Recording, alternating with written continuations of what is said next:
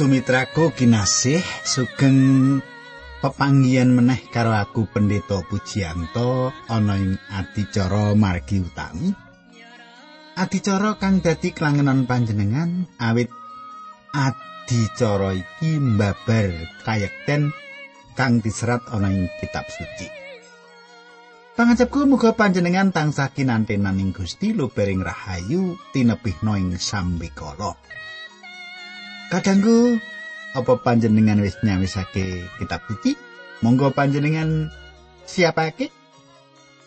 Monggo bakal bebarengan sinau perkara-perkara kasopan kang dadi kuwate urip kita. Sugeng midhangetake adicara iki.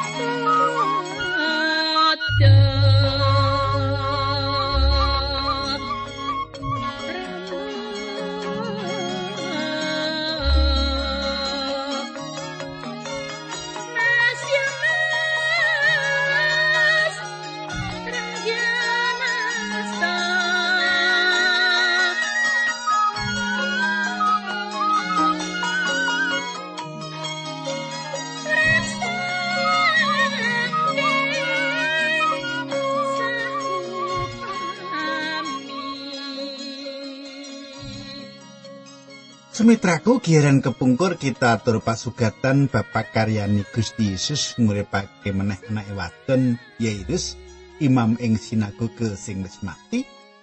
Nuli ing dalan dicegat wong wadon sing loro ngraja gedhe wis 12 taun lawase banjur bisa waras. Mung srana ngranggih dubai Gusti. Ya ing giaran kepungkur Gusti Yesus wis milih rolas murite sing banjur kasengkake dadi para rasul. Jalaran rolas murid iku mau padha dadi utusan utawa rasuli Sang Kristus. Nah kadangku sadurunge tak terusake kita ndedonga dhisik lan aku ngirimake salam taklim marang Bapak Sunarko Wijoyo ya Sunarko Wijaya apa Wijoyo.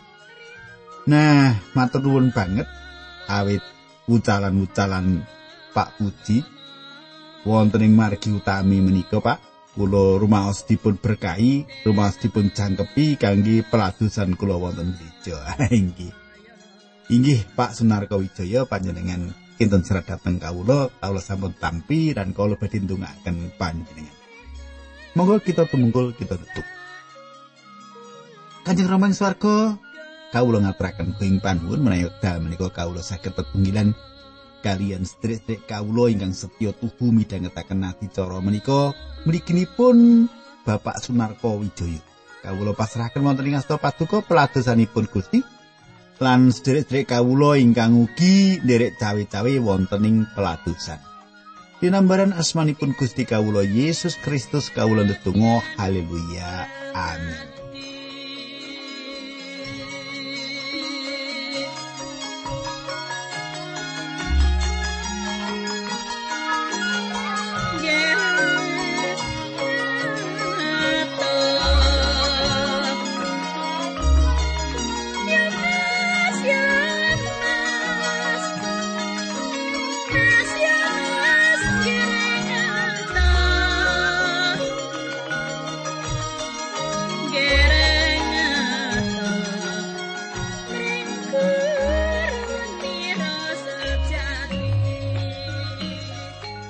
Kadangku saiki ayo buka ing Injil Matius bab 10 ayat 9. Injil Matius bab 2 ayat 9 nerusake kepiye para murite diutus karo Gusti Yesus.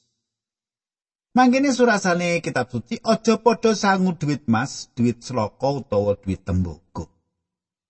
Kadangku yen ing giaran kepungkur ndak aturake yen ana wong utawa gulungan sing ngaku bisa marasake wong-wong sing nandang loro.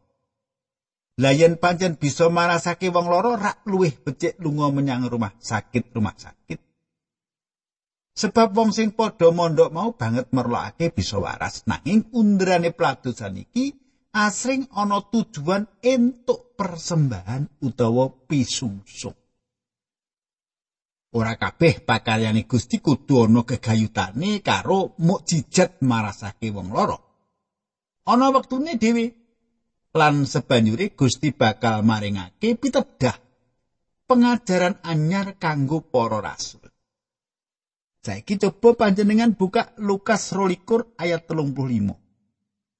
Gusti Yesus nuli ngendika marang para sakabate, "Dek biyen nalika kowe padha ndak utus kae, kowe ora ndak parengake nggawa dompet isi duit, kantong lan sepatu.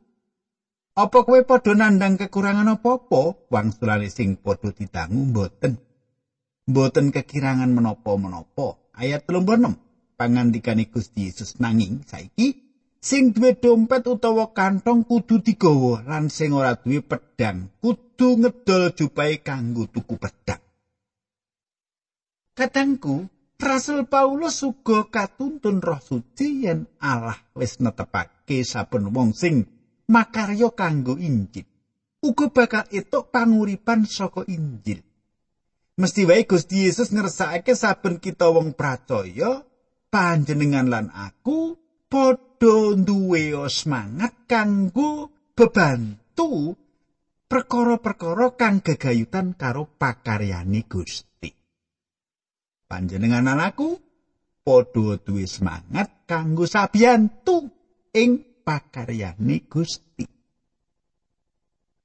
Pancen utama banget yen kita sajroning padha labuh-labet ing pakaryane Gusti kanthi sumende ing kekuatane Allah.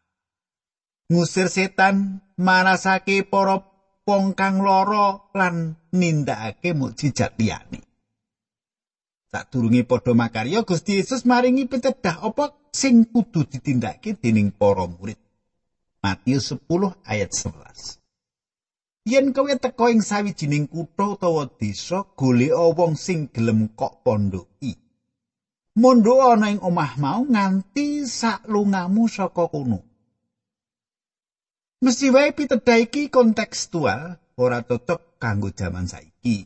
Luwih praktis yen golek penginepan lan bisa nginep ing kono. Nanging luwih becik meneh yen wong-wong Kristen ing papan iku ana wong Kristen sing bisa nyawisake pamondokan kanggo tamu-tamu pendeta penginjil sing leladi ing wilayah kono. Ing sawetara kutha ana keluarga Kristen sing nyawisake kamar mirunggan kanggo pamondokan abdi-abdine Gusti. Conto iki bisa ditindakake para wong percaya sing kaberkahan kasugian sing cukup. Matius 10 ayat 13 lan 13. Yen kowe arep mlebu omahe wong, ulu salam. Muga Gusti Allah berkahi kowe kabeh yen wong ing omah kono gelem nampani kowe salammu bakal tumanduk marang brayat mau. Nanging yen padha ora gelem nampani kowe salammu mau bakal bali marang kowe meneh. Kadangku kabukane penggalih kanggo nampani para abdine Allah luwih utama tinimbang kabukane wisma panjenengan. Ayat 14 yen ana omah utawa kutha sing wonge ora gelem nampani kowe utawa ora gelem ngrungokake piwulangmu lunga saka panggonan kono lan ketapno lebu sing nemplek ana ing sikilmu. Kadangku unini ayat iki wis ora cocok meneh kanggo jaman kita iki. Ayat iki didhawuhake marang wong mirunggan lan wektu sing mirunggan. Matius 10 ayat 15 titenono besok ing dina kiamat Gusti Allah bakal ngukum wong-wong sing manggon ning kutha-kutha mau mongko abote ngungkuli paukumane wong-wong sing manggon ing kutha Sodom lan Gomora. Ing pasal sateruse kitab suci bakal mbeberake kutha-kutha sing bakal etuk paukumane Gusti. Matius 10 ayat 16 padha gatekno. Kowe padha ndak utus kaya wedhus ana ing antarane aswajak mulane sing ngati-ati kaya ula lan sing baris atimu kaya manuk doro. Kadangku Sawise Gusti paring arahing urip ing tengahing pasrawungan nuli maringi wawasan bab dasar sing wigati minangka sangu dadi seksine. Para putrane Allah kudu pinter, ngati-ati kaya ula nanging kudu tulus utawa bares kaya manuk doro. Sing pinter yen ora baris bisa-bisa panjenengan lan aku kena apuse. Bisa diakali. Nanging yen tulus baris tanpa kapinteran lan pengati-ati bisa-bisa gampang kena gelembuk, kena apus-apus gampang diakali. Pinter lan tulus kudu kita gebeng dadi siji amris lakune para pracaya tansah aman. Matius 10 ayat 17 sing waspada marang apa wae sebab kowe bakal dicekel lan diladekke marang pengadilan agama kowe bakal padha disiksa ing papan pangibadahe wong mau Kadangku disiksa ora mesti asipat jasmani upamane digebuki nanging manungsa bisa digebuk nganggo omongan dipetuti nganggo pangino diremehno dielek-elek diololo. Matius 10 ayat 12 lan kue bakal diajokke marang sing padha ngasta pangwasa lan marang para raja merga saka aku iya kuwi wektumu nglairake paseksi bab aku marang para panggedhe mau lan marang para wong sing padha rawanuh marang Gusti Allah. Kadangku kahanan iki wis kelakon ing ngendi papan. Wis jamai. yen uripe wong pracaya ana pengalaman dikuyo-kuyo nanging Gusti Allah bakal paring kekuatan batin marang para kagungane Matius 10 ayat 19 nanging semangsa kowe didadekke lan arep diadili aja padha sumelang apa sing bakal kok aturake utawa kepriye carane matur kuwi kabeh senalika iku uga bakal kaparingake dening Gusti Allah marang kuwi. Ayat 30, awit sing bakal caturan dudu kuwi nanging roe mramamu sing ana ing swarga lumantar kuwi. Kadangku yen ana kedadian kaya sing ditulis mau pitulungan bakal diparingake dening Gusti Allah tumrap sing durung samekta yen padha itu pitakonan saka sing padha gething. Nanging bisa menehi jawab uga ateges nyiapake peladosan kanthi becik, ora mung angger muni. Saben peladosan khotbah kanthi mirunggan kudu disiapke kanthi becik. Ora jujak, nanging kudu wis disiapke kanthi wektu sing pancen cukup. Nganti sakabeng isine khotbah ana wektu kanggo roh. Suci makarya ing khotbah panjenengan mau. Yen ora khotbah panjenengan bisa asbun asal bunyi anggere metu. Khotbah angger metu ya apa rupane ya? Nah Senajan Bapak Pendeta sing wis pengalaman ya nanggone cecawis khotbah ora mateng lan nyuwun Gusti makarya ing khotbah senadyan Bapak Pendeta bisa micara akeh lan apik nanging khotbah bakal ora nyinggol telenging ati warga pesaman sing padha ngabekti. Nuli Gusti Yesus ngajengake ngendikani Matius 10 likur. Bakal kelakon ana wong masrahake sedulure dhewe supaya dipateni. Semono uga bapak bakal masrahake anake, anak-anak bakal nglawan bapakne lan ibune lan masrahake wong tuane mau supaya dipateni. kadangku rawe Kristus sing kapindho bakal ana dredah. Ana pepisahan, ana perpecahan senajan tok ing keluarga. Dredah, perpisahan antarane sing percaya lan sing ora percaya nganti tumeka kahanan padha paten pinaten. Saiki ayo maca siji Korinta bab 1 ayat 18. Siji Korinta bab 1 ayat 18.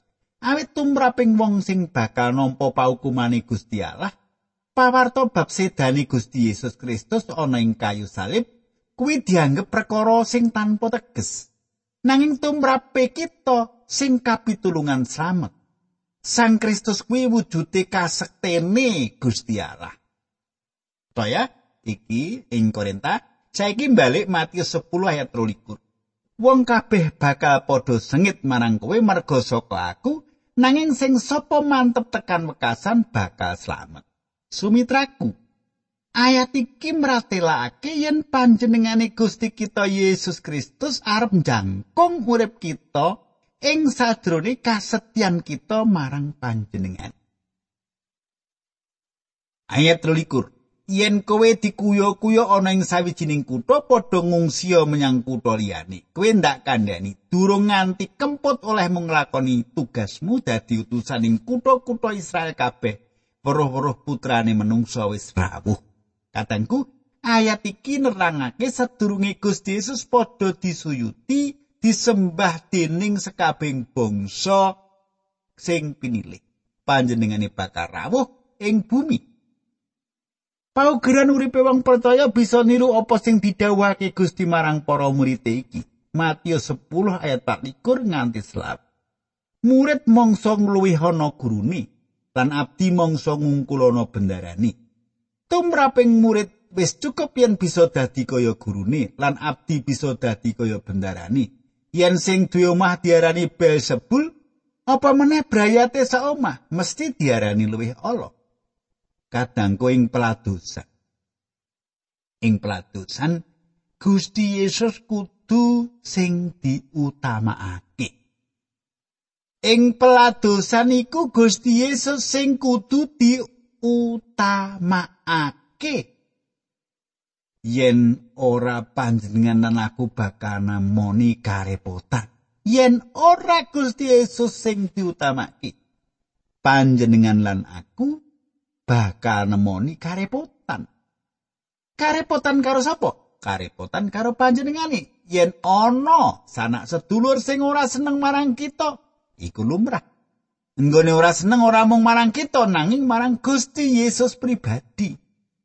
Saiki Matius 10 16 17 18 tak wacake ya.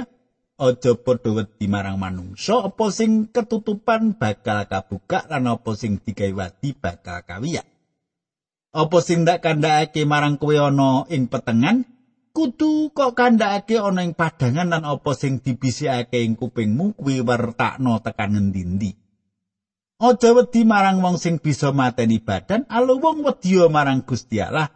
Sing kuwasa mateni badan lan nyawamu karo pisan ing neraka. Kadangku pengadilani Gusti Yesus ing besuke. Pengadilani Gusti Yesus ing besuke bakal paring bener marang kita.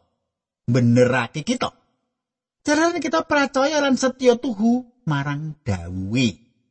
Ing pengadilan mengko Gusti Yesus bakal paring bener marang kita. Pujianto kowe bener. Panjenengan sapa jenenge? Pak Amin. kowe bener. Pak Sunario Wijoyo mau kowe bener. Jalaran apa? Jalaran kita percaya lan setia tuhu marang dawe. Yen ana alangan kanggo mengabekti. Ngabekti wae ana alangan jalaran panganiaya. Yaran khotbah saka radio kuwi becik tumrap kita. Kanthi cara iku kita ora kelangan wektu kanggo etuk berkaroani nanging uga ora nambahi dredah karo sing padha ora percaya. Cromwell, negarawan saka Inggris kondo jalaran aku wedi marang Allah. Mula aku ora wedi marang menungso sapa wae menungso iku. Matius 10 ayat 29 nganti 30. Manuk glathik loro regane rak ora sepiro. Ewa semono ora ana siji wae sing tiba ing lemah yen durung dikersake dening ramamu ing swarga. Mongko kowe kuwi dalasan rambut sing ana ing sirahmu wis diitung kabeh. Ayat 31. Mulane aja padha wedi ana ing ngarsane Gusti Allah. Kowe luwih aji tinimbang karo sakaing manuk glathik. Katengku Gusti Allah tresno marang panjenengan ngungkuli katresnane biyung marang anake. Apa biyung panjenengan tau ngitung rambut panjenengan? Manuk-manuk sing padha mabur ing awang-awang iku uga dirimati dening Gusti Allah nganti padha cukup pangane. Katresnane Allah nrambai sak jagat rat. Saiki Matius 10 ayat 32 nganti 33. Saben wong sing ngakoni dadi muridku ana ing ngarepe umum, ya bakal ndak akoni ing ngarsane ramaku ing swarga. Nanging sing sapa ing ngarepe umum selak yen dadi muridku, wong kuwi ya bakal ndak selak uga ana ing ngarsane ramaku ing swarga. Kadangku sawise kita kaparingan kawilujengan dening Gusti Yesus. Kita nduweni kewajiban nyeksekake katresnane marang sapa wae. Mesine kudu milih papan lan wektu sing pas ora ngawur supaya ora kaya buang mutiara ning ngarepe babi. Sebab yen kita ora wani nuduhake pribadi kita yen kita wong Kristen, iku ateges nyelaki pakaryane Allah ing urip kita. Yen kaya ngono, Allah bakal selak uga marang panjenengan. Sopo sing laku becik marang panjenengan? Iku dianggap laku becik marang Allah. Panjenengan dipadake karo salirane pribadi Gusti Yesus. Coba panjenengan semak Matius 10 ayat patang puluh, patang puluh siji, patang puluh loro. Ya, tak baca Sing sapa nampani kuwi, kuwi uga nampani aku. Lan sing sapa nampani aku, kuwi ya nampani Sang Rama ing swarga sing ngutus aku. Sing nampani wong utusane Gusti Allah bakal tampa ganjaran kaya sing dipanake marang utusane Gusti Allah. Lan sing sapa nampani wong merga wong mau mursid bakal tampa ganjarane wong mursid. lan sing sapa aweh ngombe marang salah sawijining wong cilik iki merga nggone dadi muridku senajan mung banyu adem setangkir wae wong kuwi mesti bakal tampa ganjaran saka ramaku ing swarga katangku kabecian sing ditindakake marang panjenengan Allah bakal mitung lan males kanthi kabecian kaswargan sawise Gusti mungkasi dawuh panjenengane nerusake tindake menyang kutha-kutha liyane. Saiki Matius 11 ayat 1 lan loro ngancik Matius 11. Sawise rampung gone maringi piweling marang para murid terolas Gusti Yesus banjur tindak memulang lan martosake Injil ana ing kutha-kutha kono. Nabi Yohanes sing nalika semono ana ing pagunjaran mireng pawartos bab pakalyane Gusti Yesus. Nabi Yohanes nuli ngutus murid sawetara sowan marang Gusti Yesus supaya nyuwun pirsa mengkini.